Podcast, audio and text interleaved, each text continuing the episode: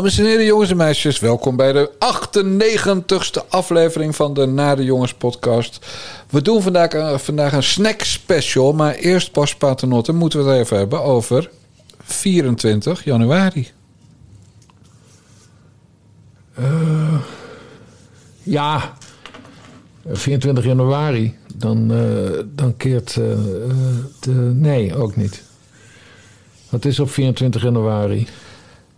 Het is vandaag 10 januari. Ja. We hebben vandaag de 98ste aflevering van de Nare Jongens podcast. Ongeveer de 95ste die verstaanbaar is voor de luisteraars.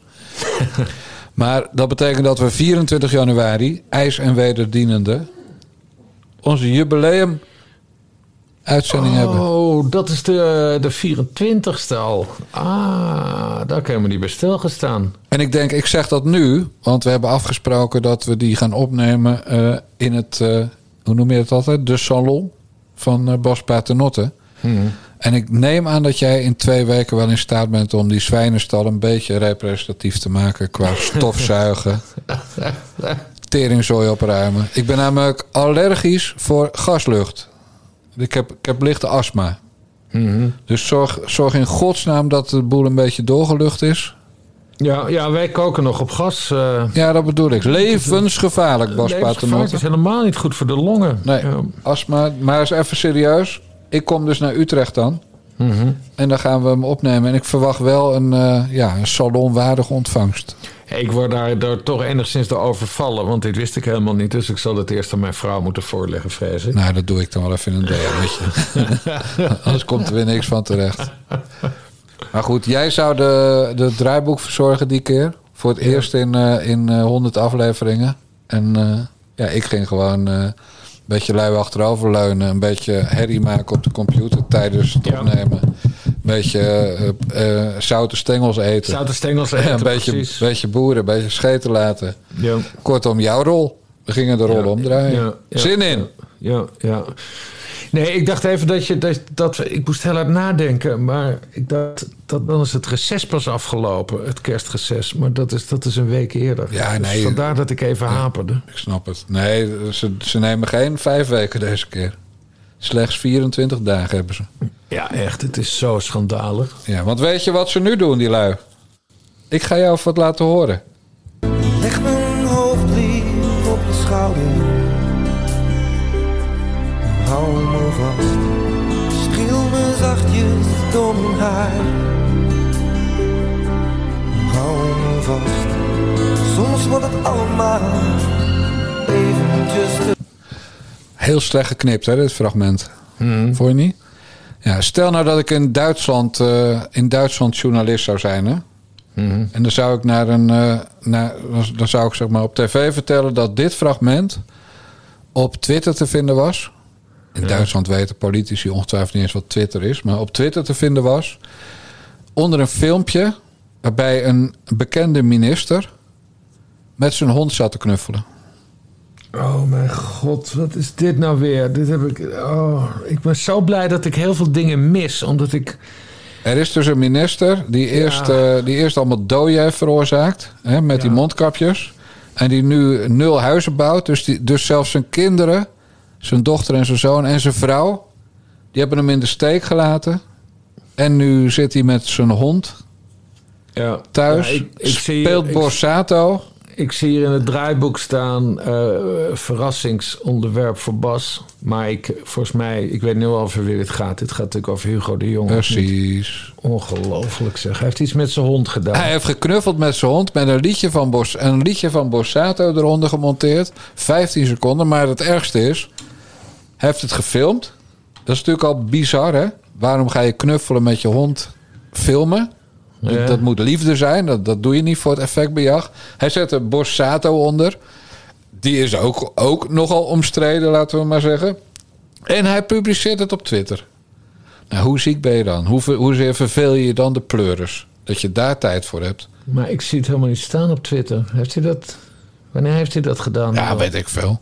Ik, eh, je weet dat hij mij geblokt heeft, dus ik krijg dat dan doorgestuurd. Kan ook wel eh, Instagram zijn, weet ik veel waar die man allemaal op zit. Ja, Eh, ik zie niet 1, 2, 3 iets op Ja, Twitter. dan zal het wel Instagram zijn. Maar dat maakt natuurlijk geen fuck uit, Bas Paternotte. Ja, Dit is de minister die een miljoen huizen moet bouwen. inderdaad. Ja. Ja, en die, die zit een beetje met zijn hond te knuffelen. En liedjes van, van fucking Marco Borsato erachter te zetten. En dat te delen met, met zijn honderdduizenden volgers. Wat denkt hij nou? Dat we, dat we op 15 maart CDA gaan stemmen of zo? Oh, wacht, wacht, wacht, wacht, wacht eens even. Je gaat, Nooit het, je gaat dit niet kapot checken. Nee, nee, nooit stoppen met knuffelen. Hou me vast. Waar was het? Inst- toch Twitter? Instagram. Oh ja. Ja, ik, het is wel een leuke hond. Het is gewoon Golden Retriever. Oudje, denk ik. Maakt allemaal niet uit, Bas. Ja, ja. Ik, zei, ik begon al met stel dat dit in Duitsland zou En gebeuren. het is Volumia, hè? Hou me vast. Oh ja, nou ja, weet je, dat, lijkt, dat is Xander de Besonnier. En die, en die heeft toen eh, Wendy, Wendy van Dijk zwanger, zwanger gemaakt van Sam.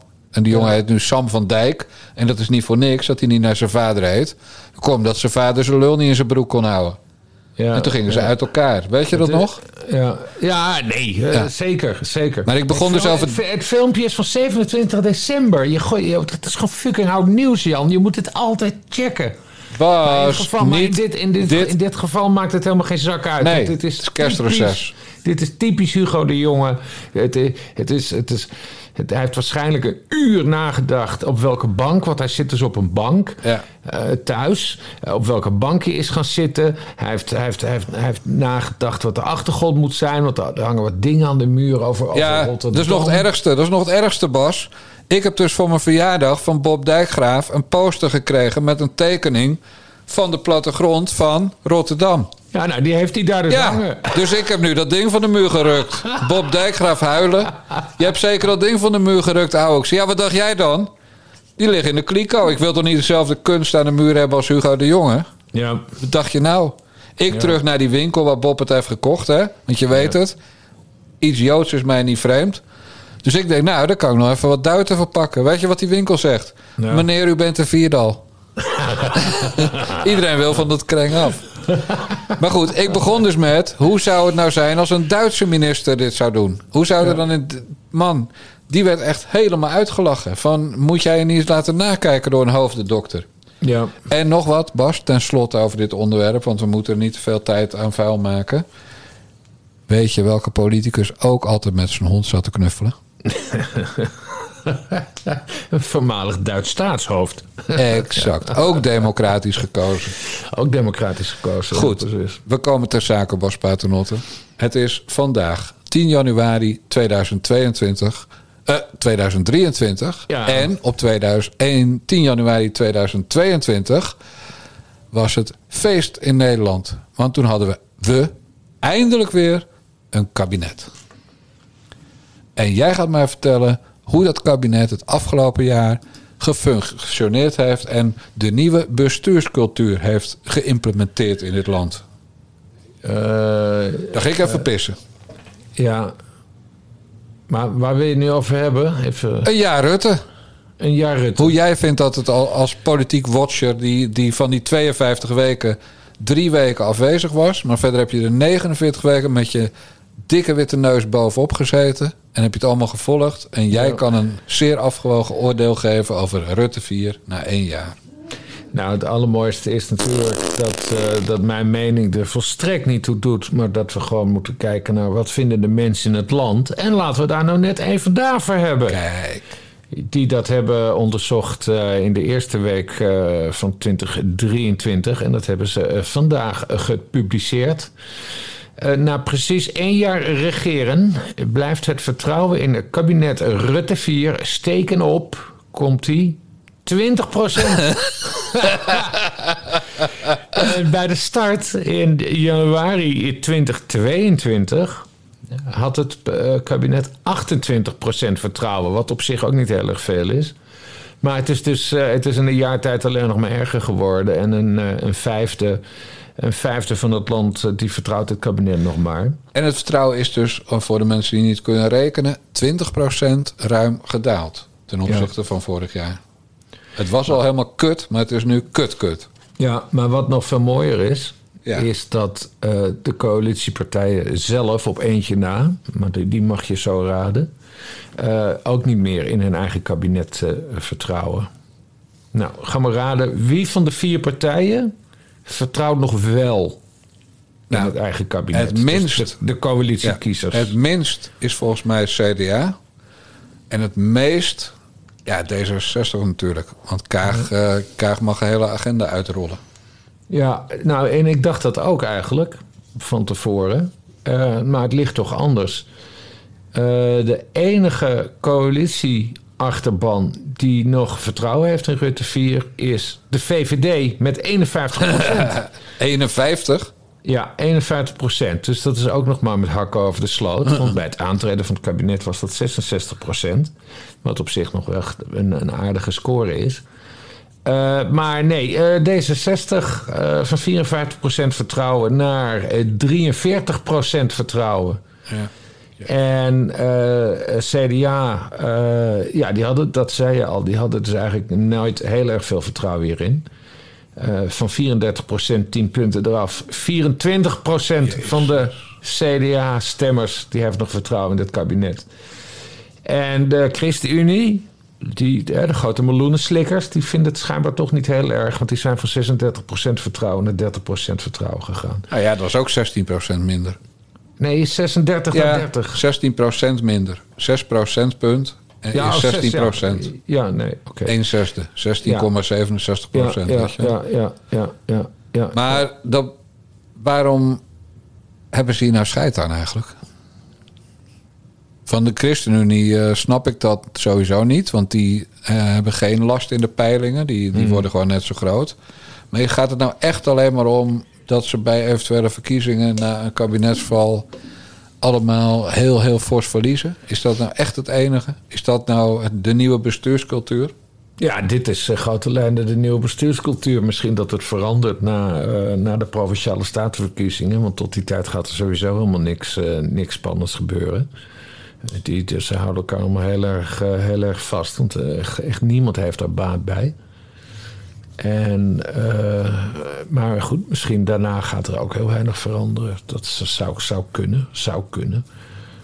Ja, die kan toch niet goed blijven gaan? Nee. Dit, maar de VVD, 51% ja, dat snap ik ook wel een beetje. Want die weten ook wel dat dit de zwanenzang van Mark Rutte is. Ja. Dat, Ja. eh, dus Edith Schippers eh, moet misschien nog wat langer inwerken. Eerst in de Eerste Kamer. Als, als nieuwe leider van de VVD. Maar, maar dit is gênant. Ik bedoel, Ja. ik weet niet of jij wel eens coach van een sportteam bent geweest. Nou, ik kan wel raden. Waarschijnlijk niet. Nee, ik sportte juist, dus Ja. ik liet me coachen. Ik Ja, was, ik eh, heb het allebei gedaan. Maar ik ben wel coach van een volleybalteam geweest. Dan heb je te maken meestal met tien, nee, op dat niveau waarop ik het was, tien speelsters. Hmm. Dat deed natuurlijk vrouwen. Eh, en, en dan kunnen er zes spelen in de basis. Ja, als dan eh, vier eh, wisselspelers altijd ontevreden zijn, is dat kut. Hè? Want je wil het liefst dat wisselspelers hun begrijpen dat ze wissel zijn. Eh, maar stel nou dat, dat nog maar 51% van de, van de 12 speelsters vertrouwen in je heeft. Of, of nog minder 30%. Ja, Ja, dan ben je gewoon weg. ja. En dan, dan wacht je niet tot ze je wegsturen. Of tot je termijn, er- tot het seizoen afgelopen is. Nee, dan sodemiet je gewoon op. En dat heet eergevoel. ja. Dat hebben ze dus niet. Nee, maar goed, dat komt, dat komt omdat je als een, als een volleybalteam heb je maar één doel. En dat is, je, hè, dat is zorgen dat je team wint. Ja. En bij voorkeur ook nog eens eh, het hele seizoen wint. Dus eh, eh, de wedstrijden en, en dan het seizoen. Maar ja, het kabinet, daar heb je vier verschillende partijen die allemaal hun eigen doelen hebben. Dus, dus daarom gaat die, die sportvergelijking niet 100% op, denk ik. Eh, laat onverlet dat een vandaag daar natuurlijk wel naar heeft gevraagd. Van hoe, hoe kijkt u naar het hele team? En eh, vier op de tien eh, mensen denkt dat Rutte 4 dit jaar al gaat vallen. Als En de- sowieso denkt een derde dat het kabinet überhaupt de, de, rit gaat uitzitten tot eh 2025. Want dat zijn eigenlijk pas de verkiezingen, laten we dat niet vergeten. Officieel wel, ja. 2025, ja. Ja. ja. ja, D66 eh corrivee Barbara Baarsma. Die naam zeg je nog wel iets. Dus die, Ja, eh, die economen. Die van de Rabobank, die, eh, die opeens heel erg eh, tegen boeren is, die ze eerst hebben, vol hebben geduwd met leningen. Maar die wil eh, eh, nog wel even voor die verkiezingen regelen dat ook eh, eh, de kiesdrempel omhoog gaat. Ja. Naar het, heel toevallig 2%. En waarom is dat toevallig? Het laagste zetelaantal waar D66 ooit op stond was drie zetels. En eh 2% is drie zetels. ja. Dus ze denken, nou, dan is- dan is D66 veilig, want die halen er in elk geval vier. maar eh, eigenlijk is het dus gewoon pure machtspolitiek. Ze Ja. willen nog even heel veel dingen doorrossen. Net als de coronawet moet er nog even doorgerost worden. Heel veel van die klimaatshit moet er nog even doorgerost worden. Ja, eh, laten we zeggen, het land moet eerst nog verder naar de kloten geholpen worden. En dan ja. bij gods gratie maar verkiezingen. Ja, nou ja, en tegelijkertijd komen er dus nog allemaal parlementaire enquêtes en uitslagen van parlementaire enquêtes. Voor, voor, volgende maand gaan we het alweer hebben over, over de gaswinning in Groningen en zo. Ja. Eh, nou ja, goed, dan, kan dat er dan ook weer iemand opstapt. Dat zou dan Hans Veilbrief moeten zijn. De minister van Mijnbouw, zoals dat heet. We hebben helemaal geen werk Oh ja, die mijn- zit er ook in. Verdomd. Ja, die zit er ook nog. Ja, Dat is die, eh, die hele dikke. nu het zegt. Ja, ik weet wie het is. Maar ik bedoel, Ja. ik, eh, daar heb je helemaal niks van gehoord afgelopen jaar. Nou, eh, één ding, want dat is, dat is mijn hobbyprojectje. Hij is dus bezig met een stikstoffabriek in, eh, in heet dat Zuidbroek? Klopt. Ja, en, eh, maar die, die fabriek die wordt steeds later opgeleverd. Om allemaal verschillende redenen. En gisteren werd bekend dat de bouwvakkers die die fabriek aan het bouwen zijn. Eh, dat die niet het werkterrein op mochten. Dus, Oh. dus, ja, want je hebt dan de hoofdaannemer, dus dan Ballas Nedam, en die heeft weer een onderaannemer. En daar was vorig jaar al bekend van dat, ze, dat die ruzie hebben met elkaar. Ja. En dat daarom eh, het, het project eh, steeds langer duurt. En die vuilbrief die moest hem dus weer een brief sturen aan de Kamer. Waarin hij zei: ja, het gaat nog langer duren. Maar ik ben heel erg boos. Ik ben heel erg boos. Ja, ik zet helpt. ze om de tafel. Ja. Dat, dat dan vorige maand is dat gebeurd. Dat ze om de tafel zijn gaan zitten. Nou ja, we weten wat er, mee, wat er is uitgekomen. Want er wordt nu helemaal niet meer gebouwd. Omdat, omdat ze het- de ene aannemer heeft het hek op slot gedaan voor de ander. Jezus. Ja, dat schiet niet heel erg op. Maar goed, eh, eh, hij is dus ook verantwoordelijk voor, voor, voor, het, voor het hele eh, Groningen dossier aan zich.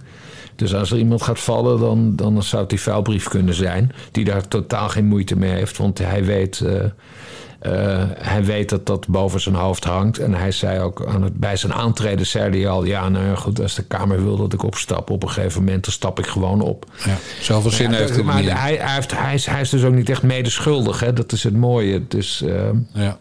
ja, goed, dat is hoe daar kun je wat laconieker mee omgaan. Ja. Eh, iemand die- waar we ook heel weinig meer van horen, wat op zich wel vreemd is, aangezien ze elke dag 83 vrachtwagens miljarden het land de wereld overstuurt, is eh Kajsa Ollongren. Vind ik ook best wel stil. Iedereen van D66 heeft in de kranten gestaan afgelopen week. Ja. Maar, maar zij niet. Eh, ik las dus in NRC vanmorgen dat dat artikel over de meest zichtbare en onzichtbare ministers en staatssecretarissen 21 werden er genoemd. Dat betekent dat er 7 niet zijn genoemd.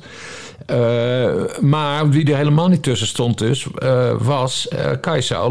Wat op zich wel opmerkelijk is. Omdat ze voor miljarden Ja. militair materieel naar Oekraïne aan het verschepen is.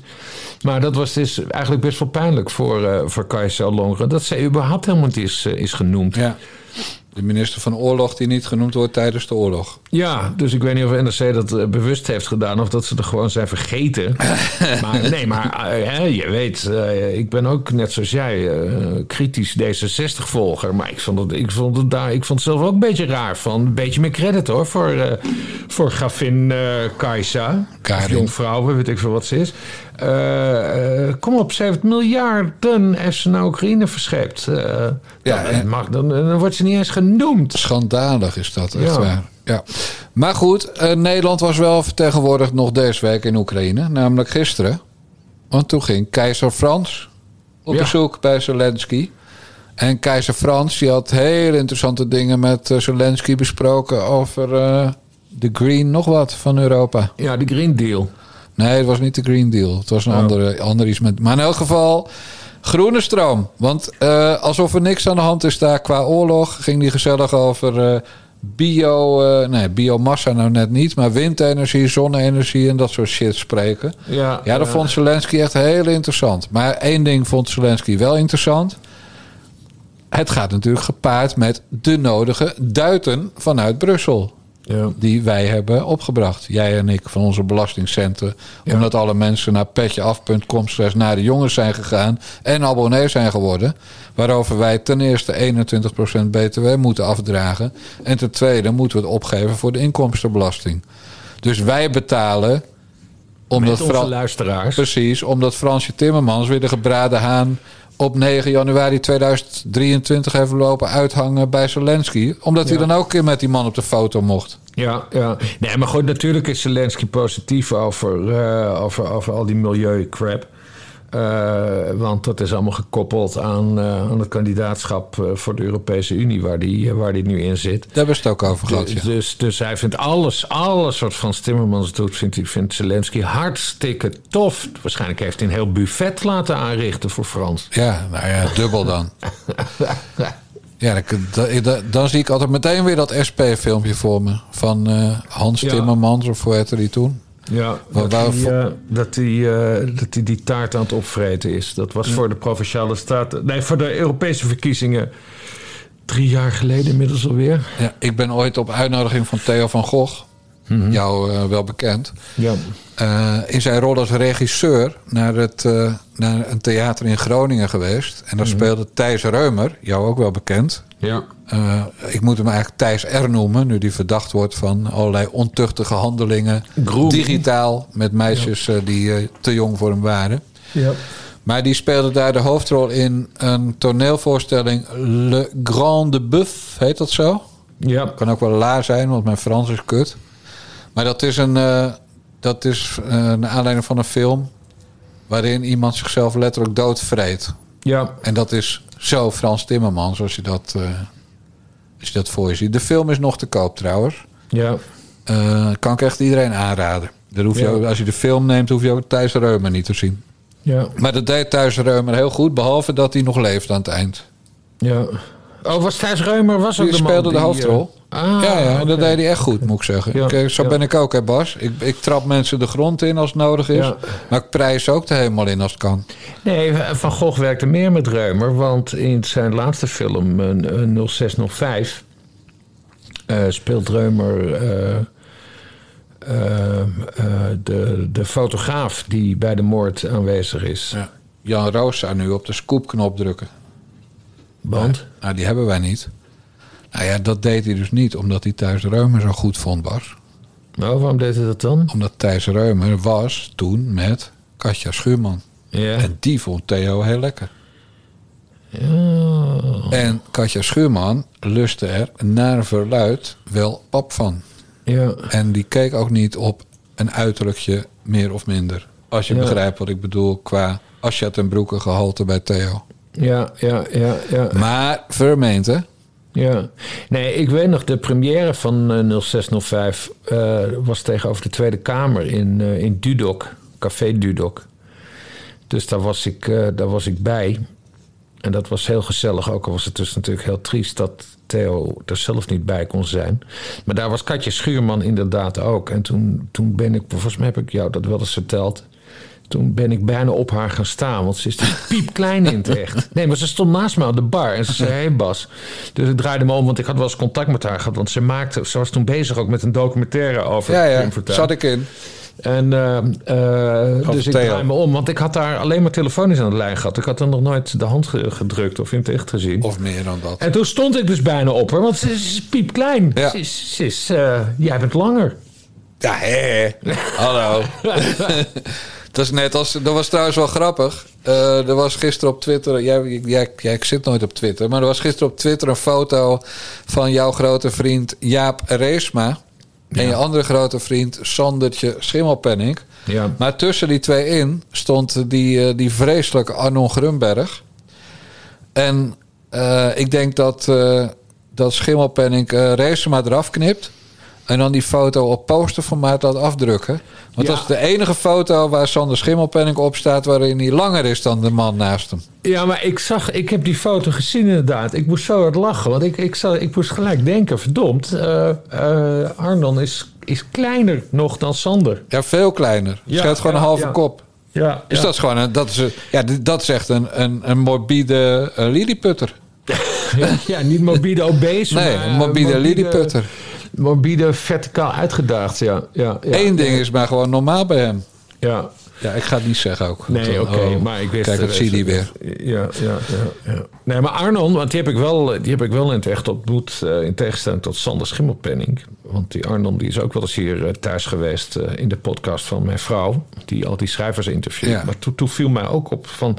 Je, je hebt bij van sommige mensen een beeld... dat ze gewoon altijd wat langer zijn. Ja. Want, want, want die Gumberg die is inderdaad piepklein. Ja, Daar dat komt ook tv. van, hè, want dan is mijn vrouw klaar met podcast opnemen. En dan, en dan roept ze Bas, Bas. En dan, en dan kom ik mijn kantoor uit. Mogen ze en dan- jou even zien? En, en dan, en, dan, en, dan, en dan loop ik de trap af naar beneden. En, dan- en, dan- en dan geef ik een handje. En toen zag ik ook van... Jemig, de Pemig, die Gumberg, die is piepklein. Ja. Dus daar moest ik wel lachen toen ik die foto's zag. Met, eh, want, want toen zagen we die, die, die foto met schimmelpenning. Want dan zie je dus ook... eh, die, die, hè, de discussie over schimmelpenning gaat altijd over zijn lengte... en over zijn grote bek. Maar dan zie ik dat even in perspectief. Dus Ja. van, ah... Dus op de schaal van Gunberg is schimmelpenning eigenlijk best wel lang. En stil, hè? Want je zag ook dat hij een beetje verlegen ernaast stond. Het was toch een beetje Ja, de grote schrijver naast... Grappig, we hebben die ja. foto helemaal hetzelfde Ja, geanalyseerd. Grappig, gewoon eh, ja. de grote schrijver Grunberg, vindt hij dan. Ja. Naast eh, de man die gewoon zijn scheldtweets aan elkaar plakt en weer een column af heeft. Ja, ja. Dat zag je heel duidelijk, twittert ook veel hoor, trouwens. Wie? Vergis je niet. Gunberg zelf twittert ook ik veel. denk dat hij mij geblokt heeft. Oh. Want ik heb ooit eh, een stukje over hem geschreven. eh, Waar, eh, wa- wat niet alleen maar complimenteus was, zeg maar. Oh, oké. En eh, mensen kunnen daar niet tegen, Bas. Ik snap daar helemaal niks van. Als mensen mij gewoon een een kale, kale dikke, kleine, extreemrechtse... Kloekloeks Klan aanhanger noemen... Ja, Ja, daar word ik niet boos. Ik blok ze Nee. natuurlijk wel, maar ik word er niet boos van. nee. Dan denk ik, joh, jij weet gewoon niet beter dat ik aan, aan de basis heb gestaan van de sociaaldemocratie als die niet er al een aantal jaren geweest was toen ik geboren werd. Ja, Als je begrijpt wat ik bedoel. Ja. hey, eh, goed. Het kabinet Rutte gaat dus de kerst niet halen, denken meer mensen dan mensen die denken ze gaan de rit uitzitten. ja. Maar als ik het nou goed onthouden heb, is toch maar 40% die zegt ze gaan vallen dit jaar. Toch? Ja, nu moet ik de cijfers er weer bij pakken. Want ik zat helemaal in mijn, In je Grunberg in mijn groove. Gunberg-verhaal. Even kijken. Want we moeten dit wel goed hebben. Slechts een derde denkt dat het kabinet de rit tot 2025 uitzet. En 4 op de 10, dus dat is eh 40 procent, eh, denkt dat Rutte het komende jaar al gaat vallen. Dus dit jaar, ja. Hey Bas, het volgende fragment moet ik inleiden met, eh, met 12 statements over onze Oh. relatie. Oké. Wij kregen het advies. Ik, eh, ik heb iemand gesproken die eh, zeg maar heel erg wijs is. Wijzer dan wij samen. En die zei twaalf dingen, dus laat me even eh, mijn gang gaan. Ten eerste, word het eens dat je het niet eens bent met elkaar. Ten tweede, tel tot tien als je iets lelijks dreigt te zeggen. Ten derde, zie de ander niet als iemand die hoort bij die groep. Ten vierde, accepteer dat we nou eenmaal verschillen. Ten vijfde, vraag waarom het onderwerp de ander zo bezighoudt. Ten zesde, spreek af hoe lang je samen over het onderwerp praat. Ten zevende, zie een discussie niet als een wedstrijd. Ten achtste, ontdek waar je het wel mee eens bent. Ten negende, benoem de hechte band die jullie hebben. Ten tiende, laat elkaar uitpraten. Ten elfde, geef op een kalme manier aan dat het je raakt zo tegenover elkaar te staan. En tenslotte, parkeer het onderwerp even. Ja, ja. ja. Komt-ie! Lieverd, het zijn gewoon gelukzoekers. Pap, wat ben je toch een eikel? Ben je nou een asieldiscussie aan het winnen of de band met je dochter aan het verliezen? Verlies elkaar niet als polarisatie dichtbij komt. De staat, de Rijksoverheid, wil ons via het gedrocht Sieren, Stichting Ideële Reclame, duidelijk maken dat wij niet moeten polariseren, Bas Paternotte. Ja, ja, ja. Nee, Wat- die twaalf punten, ik heb ze ook gelezen. Te- want soms, heel soms bereid ik een aflevering van Oh. naar een jongenspodcast wel voor. Dus, eh, dus ik had even gekeken. Oh, Eh, man. verlies elkaar niet als polarisatie dichtbij komt. En toen die twaalf punten heb, heb ik gelezen. En ik dacht, ja maar verdomd, dit is gewoon hoe wij de nare jongens maken. Ja. Wij, wij, wij houden ons volledig aan die regels. Dat bedoel ik. Wij, Ja. wij zijn gewoon voor heel Nederland het voorbeeld van hoe je niet polariseert. Ja, precies. We hebben de, de kleine sociaaldemocraat met een communistische opa uit Esterga. En we hebben de aristocraat uit Drachten. Mijlen ver uit elkaar. De, de, Ja. de dijkgraafjes hebben het eigenlijk niet verder geschopt dan hoofdredacteur van HP De Tijd. Hè? Van, voor zover ik ze ken. Eh, en, en de paternotters, ja, die, die staan eh, met hun klauwen aan de knoppen van het land eh, te sturen. Dat is ongeveer het verschil. Maar speelde bij Ajax. Speelde bij ook Ajax. nog Ja. op doel gestaan bij Ajax. Ja, keeper is toch minder dan spits, maar goed. Dat bedoel ik. En, en het gaat altijd goed tussen ons. Al bijna 100 afleveringen, Bas Paternotte. Wat mooi. Nou ja, je, nee, je, was er ook even drie tussen, twee tussenuit. Drie tussenuit. Zo ben je ook weer. Ja, nee, Sier had ons gewoon moeten inhuren. Ja. Gewoon eh, het voorbeeld van hoe het ook kan in het land. Ja, en Verbinding. Dan had ik een mooi factuurtje gestuurd. Dat denk ik wel, ja. En, eh, en eh, nee, we zijn echt. Nee, ik moest al die twaalf punten. Ik moest echt lachen, want het is allemaal precies wat wij, wij doen. Gewoon, hè? Ja. gewoon tot tien tellen als je het lelijkst dreigt te zeggen. Dat, dat, dat kenmerkt ons, Jan. Dat zijn wij. ja. Alleen dat laat elkaar uitpraten, dat lukt niet altijd. Oh, ben je. ben Ja, ik was klaar. Ben je uitgesproken, Jan? Ja, ik was klaar. Want dan ga ik wat zeggen. Nou, ik, ik wil eerst nog even zeggen dat, wij, dat, dat, dat we een hele hechte band hebben, Bas. Dat wilde ik toch een keer benoemd hebben. Ja, precies. Nou, vertel. Nee, maar, nee, maar kijk, de, de, de- de, de achterliggende gedachte is, is dus eh, dat, dat mensen in de privésfeer eh, ruzie met elkaar krijgen. Of het nou over stikstof gaat, asielbeleid, klimaat of vaccinaties. Eh, volgens mij gaat dit vooral over, over de coronacrisis omdat eh, daarin, dat, dat, kon je gewoon in de kranten lezen. Dat, dat, dat was een, een stroom die werd op een gegeven moment duidelijk dat in steeds meer gezinnen, ook omdat ze de hele dag op elkaars lip zaten, eh, maar dat, dat er echt ruzies ontstonden, ook binnen familie. Over, eh, over wel of niet eh, eh, vaccineren. En, en complottheorieën en weet ik veel. En ik denk dat dat ik weet niet hoe groot het probleem is, maar ik denk dat dat wel best vaak is voorgekomen. Dat het heel veel kapot gemaakt heeft in families. Zeker. Dus dat, dat, dat, je, dat je lieve omaatje opeens een, een gestoorde wappie blijkt, die, die volledig achter Willem Engel staat. Ja, dat, dat zal leiden tot enige spanning tijdens eh, het kerst- of paasdiner, lijkt mij. Ja, dat, ja, als ze mag komen, nog. Als er nog mag komen. ja. Nou ja, dat, dat, nu, nu zal dat wel voorbij zijn. Ja. Omdat die discussies twee jaar lang hebben geduurd. Dus dat nee, kan niet anders. Of er zijn familiebanden onherstelbaar beschadigd. Dat klopt. Maar het gaat natuurlijk ook, letterlijk ook met de voorbeelden... over de asielcrisis die we hebben. Ja. Ja, maar dat, dat, dat vind ik er minder boven uitspringen. Omdat, omdat, je, omdat die discussies over, over eh, asielzoekers en, en eventueel racisme en eventueel discriminatie. eh, dat heb je altijd binnen families. En, en dat zijn vooral, vooral tussen generaties onderling. Hè? Dat, eh, dat opa's en oma's of dat een oom en tante iets rigider zijn in wat zij vinden van een goed, wat een asielbeleid zou moeten zijn. dan, dan de neefjes en nichtjes en de kleinkinderen.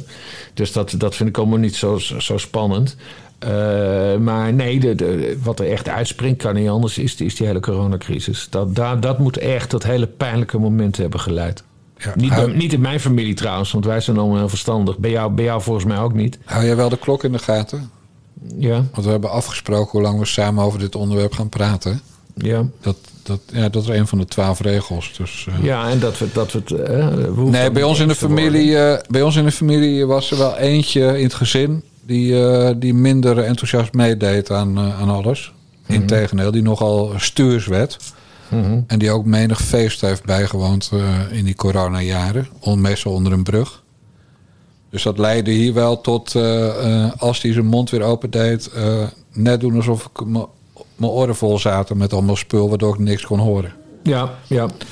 Dat is dan, eh, maar dat is natuurlijk ook, eh, eh, ja, dat is ook een van de twaalf regels. Van doe alsof je Oost-Indisch doof bent. als je geen zin hebt in een discussie. Oh nee, die stond er niet bij. Maar zij Nee. de dertiende. Ja, ja. Maar gewoon dat, dat, dat jongeren zwaarder de pineut waren dan oude mannen zoals wij. Dat heeft Ja. natuurlijk ook wel, net als dat ouderen werden opgesloten om dood te gaan in hun eentje, Ja. Werden jongeren natuurlijk ook zeer beperkt in hun mogelijkheden. Ja, ja, Dus dat waren hier wel discussies. Maar hij is nog welkom en wij hebben hem ook nog, ja, voor zover ik weet. ja. Maar eh, ik, ik vind eh, eigenlijk, hè, kunnen we ook gewoon zeggen. Want we hebben natuurlijk in die 98 aflevering tot nu toe al die 12 punten wel een keer gezegd en gedaan. Eigenlijk kunnen we gewoon een claim indienen dat ze het van ons gejat hebben, dat hele gedoe. Ja, ja, ja, jullie hebben het gebaseerd op de Nare Jongens podcast. Eh, jongens en meisjes van Sieren. Ja, En dan kunnen wij dat onderwerp wel even gaan parkeren. Ja, nou, ik wil er nog wel één ding over zeggen. Eh, Eerst tot je 10 moet- tellen voor je wat lelijks ja, gaat zeggen. Ja, maar ik heb, er- ik heb er natuurlijk wel even op gekoud tijdens dit onderwerp. Nee, je moet natuurlijk ook kijken wie is de oorzaak van de polarisatie. D66. Nou, niet alleen D66. Nee, D66. Het, het, het kabinet is oorzaak. D66. Nee, nee. Het, Oh, ik moet je laten dat- uitpraten. Je moet, je moet dat gewoon, gewoon kunnen uitspreken. Als je vooral kijkt naar hoe die coronapandemie is aangepakt... en de polarisatie die daaruit voort is gekomen... dat is voor een groot deel de schuld van het kabinet. Die met onduidelijke maatregelen...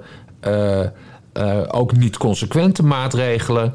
eh, eerst, eerst het ene zeggen, dan het andere. Eh, weet je nog? eh, Ja, je dansen alles. met Jansen, die Ja. ene prik. Dat, dat Hugo de Jonge Ja. zei... ja, nee, je mag vanaf dan naar de discotheek. Hup, weer het hele land plat. Ja. De polarisatie die tot stand is gekomen tijdens die pandemie... tijdens de coronacrisis... is los van het feit dat er een groot deel waanzin bij kwam... door, door aanjagers als Willem Engel... is met name in de, in de schoenen te schuiven van het kabinet. Ja, Dus en ik vind dat wel heel belangrijk. Maar dat zullen ze waarschijnlijk niet zeggen in, eh, in, eh, in deze campagne. nee, niet. Nee. Eh, terwijl dat juist wel een hele goede uitleg is voor mensen die Ja. hier ook serieus problemen mee hebben. Van ja, vergeet niet dat het, dat het kabinet, dus de boven ons gestelde, dus de, de, de ministers en staatssecretarissen, die dagelijks het beleid bepalen, dat die eh, hoofdverantwoordelijk zijn voor deze polarisatie. Met En, en, en, en ik vind dat we, dat we hun ook niet moeten verliezen. En, maar de eerste stap is dat je het uitspreekt. En daarna geef ik het hele kabinet gewoon een enorme knuffel. Want we, want we moeten het samen doen, natuurlijk. en, en, en al die bullshit. Maar het, de basis, aan de basis van polarisatie ligt het kabinet. En daarna inderdaad de politiek. regel 14 is niet overdrijven. Met knuffelen van Hugo de Jonge en zo. Want die stinkt naar hond. Ja. Maar eh, even zonder dolle. Het kabinet is niet de baas in het land, hè? Dat is de Tweede Kamer en een beetje de Eerste Kamer. En het is ook niet alleen die vier coalitiepartijen die dit vreselijke beleid hebben gedaan. Maar tot op de dag van vandaag, denk aan de coronawet die binnenkort door de Eerste Kamer wordt goedgekeurd. Zijn PvdA en GroenLinks bittere steunpilaren van dit kabinet. Ja, ja, ja. Dus we moeten gewoon de zes partijen benoemen. Ja, en Volt, maar goed, het is, eh Volt is Lianne Den Haan keer twee. Dus dat hoeven we allemaal niet serieus te nemen. Maar, maar vooral PvdA en GroenLinks doen keihard mee met de polarisatie in dit land. Het veroorzaken Maar- maar daarvan. elke partij heeft baat eh, bij polarisatie. Alleen de een doet het soms in, in, in mindere mate dan, dan de ander. Want als je puur kijkt naar dat stikstof, wie is daar de grote aanjager? Ja, dat is D66. Ja. Die continu, continu op boeren aan het trappen zijn met hè, die de Groot. eh, Uit Woudsend. eh, eh, die, die, uit Woudsend, hè, die, die, die, die zegt dat, dat de, de veestapel moet worden gehalveerd. Eh, eh, en, en later opeens journalisten of fascisten gaat noemen, wat ook al zo bizar was. Nou ja, dat is dus typisch D66, maar, maar dat is dus ook polarisatie. Kijk naar, eh kijk naar Sylvana Simons met, met, met bijeen. Hè, dat ze dan gaat, ik vond het wel goed hoor, ge- getrold van haar, maar dat ze rond de kerstdagen Ja. twitteren van fijne feestdagen. En oh, ik heb zo'n leuke feestdag vandaag. Omdat ze weet van, eh ja, worden mensen boos van, oh, waarom heb je het niet over kerst? Dus vond ik heel slim van haar. Ja. Eh, het levert aandacht op. Maar ja, dat is ook polarisatie natuurlijk. Dat is ook een vorm van Absoluut. polariseren. Absoluut. Eh, maar po- politieke partijen hebben daar baat bij. Elke, elke, elke, elke, elke partij doet dat. Alleen, ja, je moet het wel een beetje... binnen de perken weten te houden. Een beetje zoals ja, wij. eh, eh, nou ja, zoals wij dus, zoals Ja. nare jongens. Maar, maar ja, zo'n D66 met een stikstofbeleid... Ja, dat is overduidelijk niet binnen de perken eh, houden. Eh, Hugo de Jonge met de vaccinaties, dat was niet binnen de perken. Nee, dat was mensen tegen elkaar opzetten bewust. Zo legt dat. Bas Paternotte. Ja, ik heb even het ventiel opengedraaid. Kan nu weer dicht. Alle, alle, alle woede is er weer uit. Nou, is goed. Dan gaan wij luisteren naar Jeroen van der Boom. En jij weet wel waarom. Of heb je natuurlijk weer geen idee? Ik heb echt geen idee. Ik weet niet eens wie het is, maar goed. Ja, dat weet je wel. Je kent toch de toppers wel? Oh, die zanger. Ja, ja, ja. Jeroen van der Boom is een zanger. En die had vorig Ja. jaar een programma waarbij hij altijd één hoofdgast had. Mhm. En Jeroen van der Boom is zo lenig. En die heeft zo weinig bot in zijn lijf. Dat als hij helemaal begint, dan gaat eerst dat neusje naar binnen. En dan dat hoofd. En dan die schouders. En dan die ellebogen. En die romp. En dan zijn kont. En dan zijn knieën. En zijn enkels. En dan zijn voeten. En dan is hij bij iemand helemaal naar binnen gekropen. Nou, en dat deed hij dus een keer bij Rachel Friedel van Galen. Die ook wel bekend is als Rachel Hazes.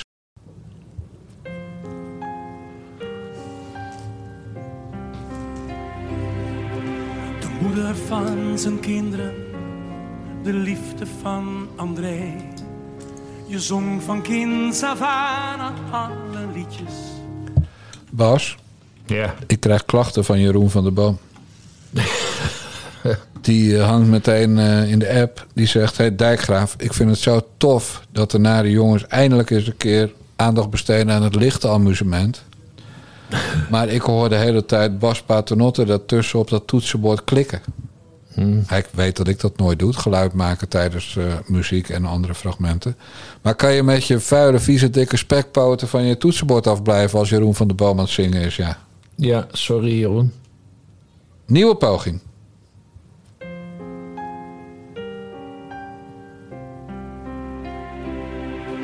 De moeder van zijn kinderen, de liefde van André. Je zong van kinds af aan alle liedjes van hem mee. Je kwam zijn leven binnen, je adoreerde hem.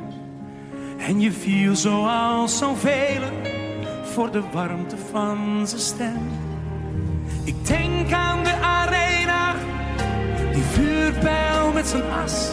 Was het maar zo dat hij nog bij ons was, werd de tijd maar teruggedraaid. Zong hij maar opnieuw die mooie zinnen. Als hij hier vanavond was, zou hij dat voor jou doen. Oh, werd de tijd maar teruggedraaid.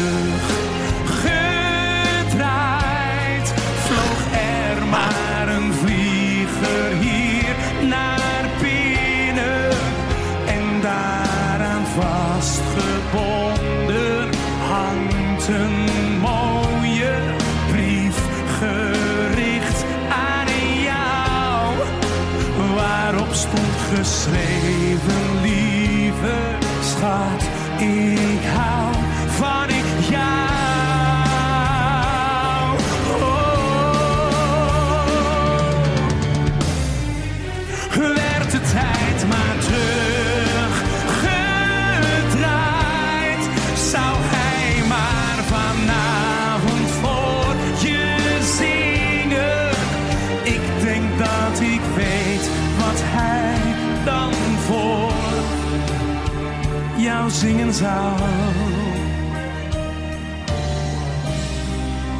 Kijk niet achterom en kijk vooruit. Ik hou van jou. Wat een ongelooflijk kutnummer is dit. Ja, hè? Wie zou dit in godsnaam hebben geschreven? Heeft hij zelf geschreven. Oh my god. Hazes, Hazes schreef ook zelfs zijn liedjes, maar zelfs die had dit kut gevonden, denk ik. Ja, die had nog een eh, rijmwoordenboek erbij. Ja, precies. Jeroen van der Boom, dit is volgens mij een, een ander liedje van Jeroen van der Boom... waarvoor hij speciaal een tekst heeft herschreven... omdat Rachel Hazes eh, te gast was in zijn programma. Ja. Ze huilde voor het liedje, ze huilde tijdens het liedje... en ze huilde na het liedje. Want ze was diep geraakt. Eh, alleen daardoor, door dat gejank van haar... heeft ze niet echt geluisterd naar zijn tekst. En dat is kijk niet terug, maar kijk vooruit. En, en die galbak, die, die, die, die muts, dat ordinaire wijf, dat, dat zich op de 15e liet ontmaagden door een eh, 19 jaar oudere André Hazes. Omdat haar ouders graag wilden dat ze met André Hazes verkering kreeg en ging trouwen. Ja. Dat wijf heeft dus 18 jaar na de dood van André Hazes, loopt ze nog constant achteruit te kijken. Ten eerste de zakken te vullen met, zijn, eh, met, met alle rechten van Hazes. Nou, dat vind ik helemaal prima. Ik bedoel, eh, ze gaan maar lekker de goddelijke gang. Maar ook het leven van de kinderen aan het verzieken... door zich overal mee te bemoeien bij dat ventje van haar. Die, die ook gewoon eh, klem heeft gezeten bij de geboorte. Die André junior. Ja. Die echt te dom is om te poepen. Maar ook de ravissante schoonheid Roxanne Hazes. Zeg maar de normaalste van het hele stel, dat meisje. Ja, daar loopt ze ook mee te kloten. Zodat die nu genoodzaakt is om samen met de testamentair bewindvoerder... een kort geding aan te spannen of een, een bodemprocedure. In elk geval een rechtszaak tegen Rachel Hazes... over de erfenis van André Hazes. 18 jaar, na, 19 bijna, na zijn dood. Ja. En, en in dat liedje, dat was ik vergeten, zat inderdaad ook nog die vuurpijl. Als het nou jouw laatste wens is, Bas Paternotte, om na je dood met een vuurpijl je as te laten, de lucht in te laten schieten, dan moet eh, mevrouw Paternotte, jouw lieve Monique, die moet dat uit je hoofd praten voor je je laatste adem heeft uitgebla- hebt uitgeblazen. En als dat niet gelukt is, dan moet ze denken: hij was knetter, knetter, knetter gek met zijn as de lucht in schieten. Ja. Hij- ik verdom het. Ik ben, hij was misschien wel gek, maar ik ben niet gek. Ik ga niet voor een volle arena de as van Bas Paternotte de lucht in schieten. Ja. Het kan wel bij, als de wind een beetje fout staat bij al die mensen op de tribune in, een bek waaien. Weet je wel, er zit, zit jouw, lijst, jouw lijst van vrienden van Bas Paternotte. En iedereen is ongeveer jouw vriend. Dat hele linker rijtje van jou. Die zit daar op de tribune in de arena. Dan een of andere randebiel. Die, die steekt een aansteeklont bij, bij die vuurpijl waar je as in zit. Terwijl vuurpijlen dus al niet meer mogen. Nee. Hè? Zijn verboden, heb jij mij verteld. Ja. Dus dat weet ik nu. En, en dan gaat, staat de wind verkeerd en dan waait jouw as bij al die mensen een smoel. Ja. Bas. Dat, en maar ze hebben die as van, van André Hazes, die, daar hebben ze ook nog een tatoeage van gemaakt. Uiteraard, want dat, Ja. dat doen ordinaire mensen. Ja, maar dat vind ik zo'n smakelijk verhaal. Dat van die vuurpijl vind ik nog wel aardig. Ah, houd Je- toch je op, hebt- man. Je, hebt- nee, nee, wacht nou even. Je hebt een hele bekende schrijver die redelijk gestoord was. Hunter S. Thompson, de uitvinder van de, van de Gonzo Journalism. Eh, de, de, de, de luisteraars zal hem kennen van Fear and Loading in Las Vegas. Dat is ook een geweldige film geworden. Eh, die heeft zijn laatste wens, en die is ook uitgevoerd, was dat hij zijn as met een eh, vuurpijl de lucht in werd geschoten. Dat heeft Johnny Depp toen geregeld. Maar dat, dat gebeurde in de bergen, dat gebeurde niet in, in een stadion. Met 50.000 Het man. is wel een grappig idee trouwens dat mijn uitvaart zou plaatsvinden in de arena ter zijner tijd. Ik denk dat ik hem wel vol krijg. Dat weet ik wel zeker, ik, helemaal als we die 10.000 petjes eh, hebben verkocht. Ja. En, eh, en ik ken natuurlijk mensen bij Ajax van, eh, vanwege de familiebanden. Exact. Dus dat is, nee, dat is wel lollig. Maar ik, ik, ja, nee, ik hoef zelf eigenlijk ook niet met de vuurpijl te worden afgeschoten. Nee, gewoon die kist onder de middenstip. Dat lijkt mij een pre- keurige plek. Waar gaat het over? en, dan, en dan om je sportcarrière toch nog te eren een shuttle op je buik. ja, ja, ja. Ja. En, en een Yonex eh, badminton racket. Nee, waar dit dus over... Gezondheid. Het begint nu al. Ik, ik Ja. nu al een stuk. Ja, nou, we kunnen de vuurpijl bestellen. Maar waar dit dus over gaat, Bas Paternotte... is dat de lieve, lieve, lieve schat Yvonne Kolderweijer... Ja. Rachel Hazes eh, volgt voor haar Juice Channel. Ja. En Rachel Hazes volgen is niet zo moeilijk... want de familie Hazes gooit alles naar buiten. Dus dat is een kwestie van elke dag een beetje het nieuws volgen op Instagram... en in de showbiz-rubrieken en in de kranten en in de roddelbladen... En af en toe een beetje appen met die familie. En dan hoor je alles. Behalve van Rox, want die is discreet. Lieve Ja. Rox. Maar die lieve, lieve, lieve Yvonne Kolderweijer... had dus ook gezegd... dat Rachel Hazes een gecremeerde kroket is. Ja. En een aanvullende eis in de rechtszaak tegen Kolderweijer... waarin ze allemaal dingen eist over eh, eh, rectificatieachtige dingen.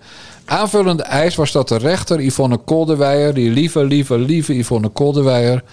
verbood om haar ooit nog een gecremeerde kroket te noemen. Ja. Nou, en wat gebeurt er dan in Nederland? Gelukkig, niemand wist dat Rachel Hazes gecremeerde kroket werd genoemd. Nee, maar sinds die rechtszaak. Ja. noemt iedereen haar een gecremeerde kroket. Ja, En ja, varianten daarop.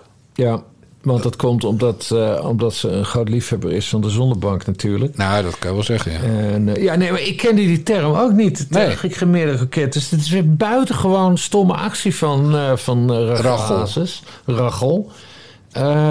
Dat, ze, dat ze dan hier weer de aandacht op, op vestigt. Maar ja, goed, dit zijn types die vinden alle aandacht vinden ze leuk. Als ze maar aandacht hebben.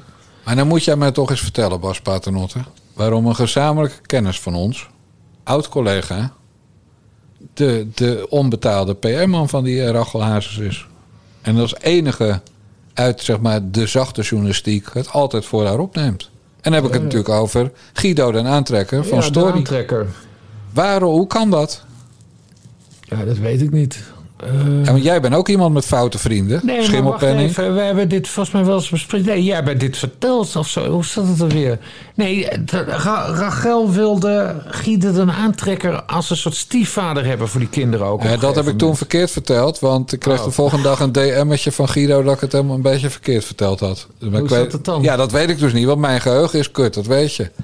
ik ben bij wijze van spreken alweer vergeten... dat Rachel Hazes vanaf nu altijd gecremeerde kroket genoemd moet worden. Oké, dus je hebt, je, hebt, je, hebt, je hebt dus eerst foutieve informatie over onze goede vriend Guido de Aantrekker verspreid. Ja? Per ongeluk. En, en nu ga je er per ongeluk. Ja, per ongeluk. Nee, er was wel iets met stiefvaderschap. Ja. Maar het kan wel de- dat ik bijvoorbeeld heb gezegd dat Rachel dat gevraagd heeft. En dat de waarheid is dat een van die kinderen dat. Zoiets was de Ja. vergissing van mij. Maar En nu wil je het weer over hem hebben. Nee, ik wil dat jij het uitlegt. Want jij bent ook iemand met dat hele linker rijtje met foute vrienden. Ik, Als ik zeg Alexander Pechtold, dan zeg jij ja, die staat ook op mijn lijstje. Aardige man, sympathieke kerel. Heb ik in 1983 nog geïnterviewd. Nou, super. Gezellig, jongen. En een scoop. Weet je nog, Dijkgraaf? En goed verhaal, man. Want ik kon geen 500 woorden tikken, maar 1000. En ik kreeg per woord betaald van jou. Dus ja, ik liep helemaal binnen op Alexander Pechtold. Wereldgozer, die Alexander Pechtold. Ik ben zo blij dat je Kaag nog nooit geïnterviewd hebt. Ik, ik, proef, ik proef een zekere vorm, vorm van polarisatie op dit moment. Nee, dat is spel. Dit is geen wedstrijd. Wij moeten het niet als een wedstrijd zien.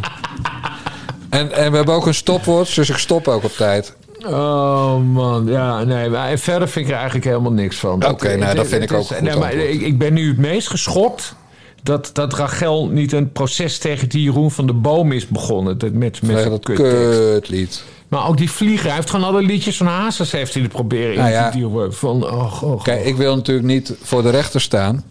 Nee. Dat, haar, dat die Rachel Hazes mij ook roept. Maar ik dacht persoonlijk toen ik dat liedje hoorde... Hè, bij de voorbereiding van de podcast... want ik bereid het wel elke week voor...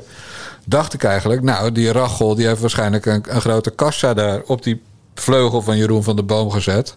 En telkens als die twee woorden uit een liedje van André Hazes eh, zong... zat ze op die kassa te rammen. Van even afrekenen, vriend. Want ik, Ja, dan ik, krijgt zij weer wat van de buurman ja, ik wil geld van, eh, van Jeroen van de Boom. Want ze wil namelijk van iedereen geld voor alles. Ja, De- ja, dat ik, dacht zit me ik. nu, ik zit me nu te bedenken trouwens. Die, eh die Syrië jongens die moeten gewoon een filmpje maken van de familie Hazes. Dat, dat ze het allemaal weer goed maken. En dat ze dan zeggen: kijk, dit is wat polarisatie met een, met een gezin kan doen. Ja. En, en, en dan maken ze het goed met elkaar.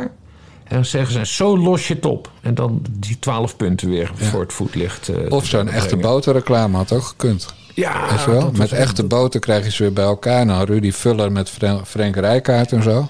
Ja, de jaren tachtig was dat. Ik weet van jou en mij ook nog wel wat mensen met wie we dat zouden kunnen doen. Maar dat, dat noemen we niet omdat we dan weer wraakexercities krijgen. Ja, Maar ja, zo, zo is het wel, Bas. ja, ja. Zullen wij eh, naar de hoogtepunten toewerken van deze show?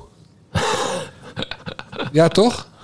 Vind je van Ja, niet? eh, ja, nee, ga je gang. Nee, het is jouw dingetje. Kom op. Ja, je hebt, je hebt nou, helemaal in je eentje een rubriek bedacht. Ja, En je wilde hem inleiden, ik zei je in de ik- vergadering. Ik, heb een, ja, nou, nou ja, ik, ik, ik wilde eigenlijk alleen maar zeggen, ik heb een jingle gemaakt. Beste mensen, hoorden jullie dat? Bas Paternotte heeft een jingle gemaakt. De waarheid is dat ik een, een mailtje kreeg met... Nou, en dan op 22 seconden doe je mij... en kan je er even een galm over gooien... en dan de, de rest zien we wel. Nou, daar komt hij hoor.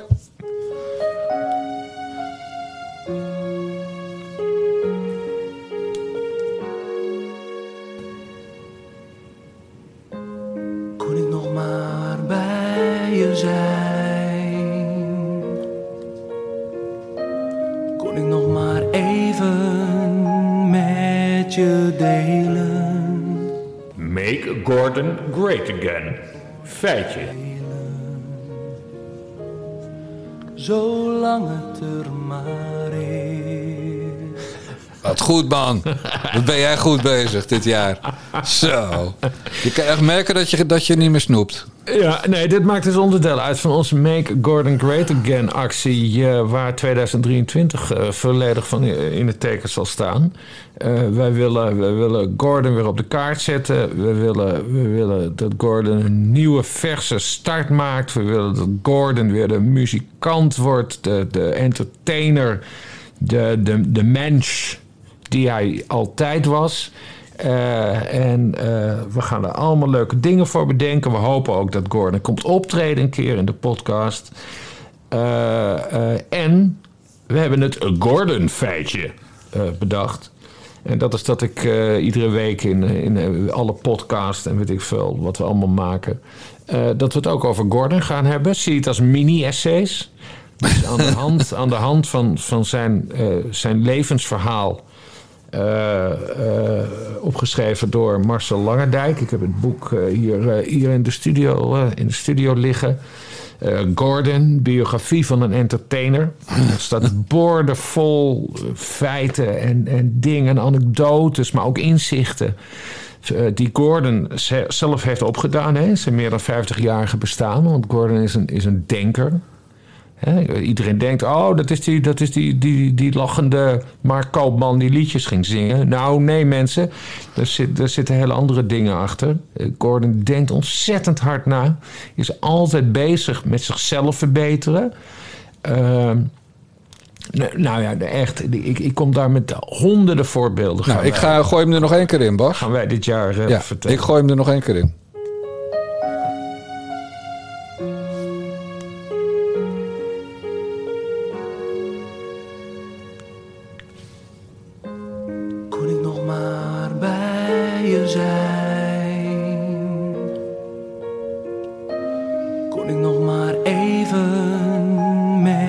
Met je delen? Make Gordon great again. Feitje.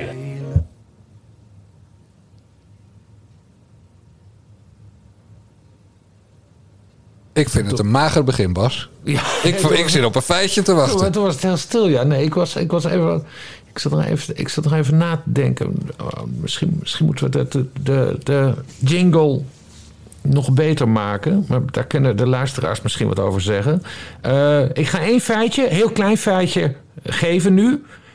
We gaan het, in de toekomst gaan we dus eh, langer Essays doen, doen. ja. Maar, ik, maar ik ga een mini-essays worden. Hey, geen Hans van Willigenburg lengte, hè, die nee, essays. nee, nee, maar ik ga nu een heel klein feitje geven... waarvan iedereen zich een hoedje gaat schrikken. Ja, zeg het. Eh, want op een gegeven moment begin je als, als, als lezer van het levensverhaal van Gordon... begin je af te vragen van... Want hij is dus op een gegeven moment aan de drank en aan de drugs verslaafd geraakt. Terwijl hij, dat begon pas toen hij eind twintig was. Daarvoor was hij geheel onthouder. Hè, Net zoals ik nu ben. En, en eh Gideon Dus, Vermeijer. dus op een gegeven moment vra- vraag je af... wanneer is dat... Waar, of wat zou de reden daarvoor zijn dat het is misgegaan? Nou, dat is een hele eenvoudige reden. Tineke de Nooi. Tineke de Nooi. Hij werd vrienden met Tineke de Nooi. En Tineke de Nooi is nogal van het Burgondische leven. En zij heeft hem wijn leren drinken. Dus al die ellende die daarna is gebeurd, hè? Dat hij naar ontwenningsklinieken moest. Drugsverslaving, Sorry, alcoholverslaving. Jezus. Doodgereden. Verkracht. Ja, schuld van Tineke de Nooi. Oh, en voor straf? Hè? Want God is straf niet onmiddellijk, maar wel ooit. Voor straf lazen we deze week dat Tineke de Nooi is opgenomen in een verzorgingstehuis, als ik me niet vergis, in een andere vrouw van in de negentig. Heb je het ook gelezen of niet? Nee, is dat zo? Ja, volgens mij wel. Och, wat triest. En Tineke de Nooi zat daar aan de bar in dat verzorgingstehuis. Ik weet niet of het het Rosa Spierhuis is of, een- of een ander eh, verzorgingstehuis. En toen zei ze, ober, vijf bier. En het ging, liep helemaal uit de klauwen. En als Tineke de Nooi kenner weet jij wel waarom. Ja, want ze, ze mist een vinger. Exact, ze is geboren met een hand met vier vingers. Ja. Oh nee, ze is zelfs mee geboren. Ja, hij is, Ja. niet, hij is er niet afgehaald. Nee, het is niet dat ze vroeger net als eh, Rachel van Galen bij de slager, de vader, werkte.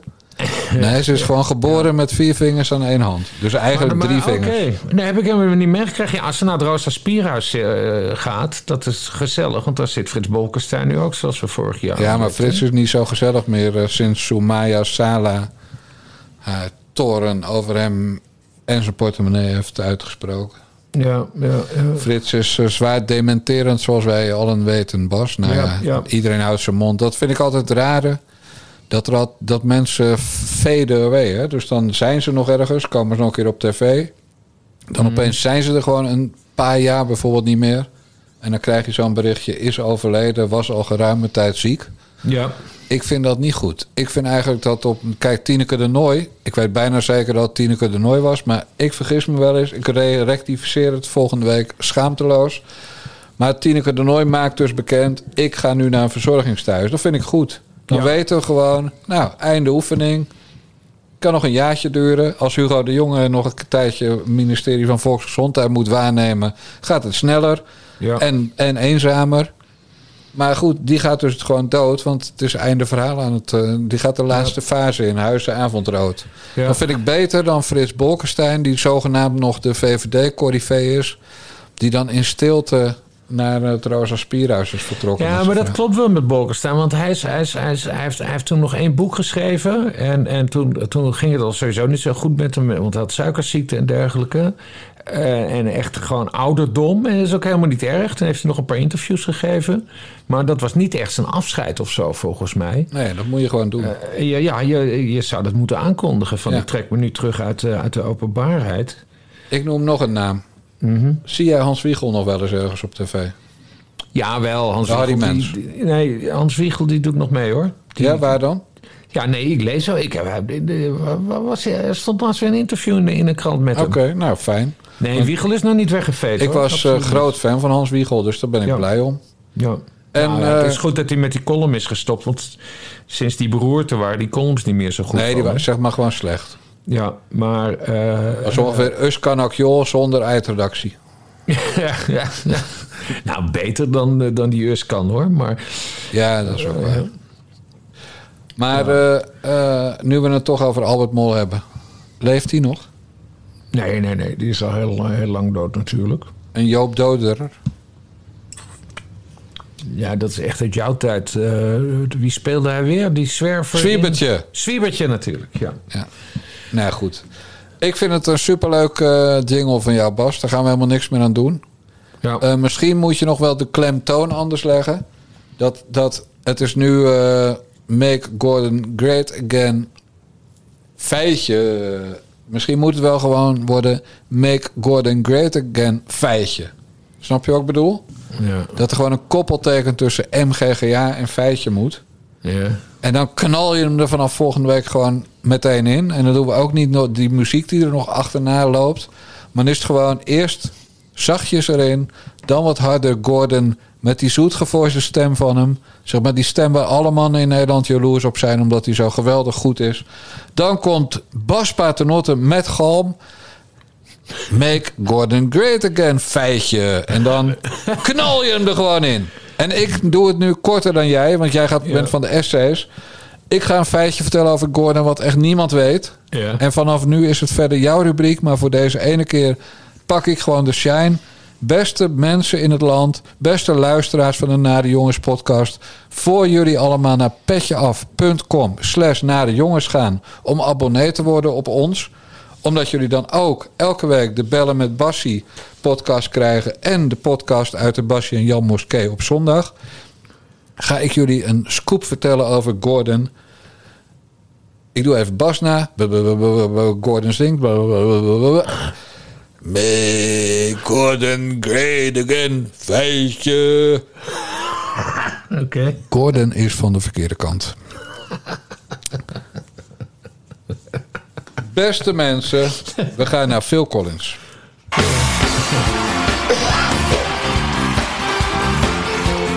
Want met onze grote held Phil Collins introduceren wij elke week de nieuwe abonnees op de Nare Jongens podcast. Kortom, als je nu nog niet gemeld hebt om te betalen, 4 euro per maand of 40 per jaar, dan loop je nog achter. Want de afgelopen week melden zich Ronnie, René, Ruud, Marcel, Rick, Cornelis, Han, Ab, Marike, Hendrik, Bas, Jasper, Samira, Michel, Clary, W, Ton, Rijn, Hans, Michel, Jaap, Peter, Harriet, Niels, Josien en Jan als nieuwe abonnees bij petjeaf.com slash nare jongens. Bas, je hebt het wel weer meegeteld natuurlijk. Ja, ik telde sowieso heel veel. 24 in totaal. Ja, maar hoeveel eh, van de gewenste geslacht? Vijf vrouwen. Ja, maar dat zijn betere cijfers dan het kabinet. 20% bijna vrouwen. Eh, Ja. Er komt, als we duizend hebben, komt er een, eh, een, eh, een meet and greet met Bas en mij. En onze alpaca's in Eestega. Met een biertje of een chocomel. En als iedereen komt, ziet het toch naar uit dat het ongeveer eh, 800 eh, gasten zijn. En maar 200 chickies. Ja. En dat vinden we eigenlijk niet helemaal tof. Nee, er moeten nog wel meer vrouwen. bij. Meiden, melden! Mannen, ook melden. Want ja, jullie zijn ook 40 euro per jaar of 4 euro per maand. En wat dat betreft zijn Bas en ik niet eenkennig. Ja. Toch?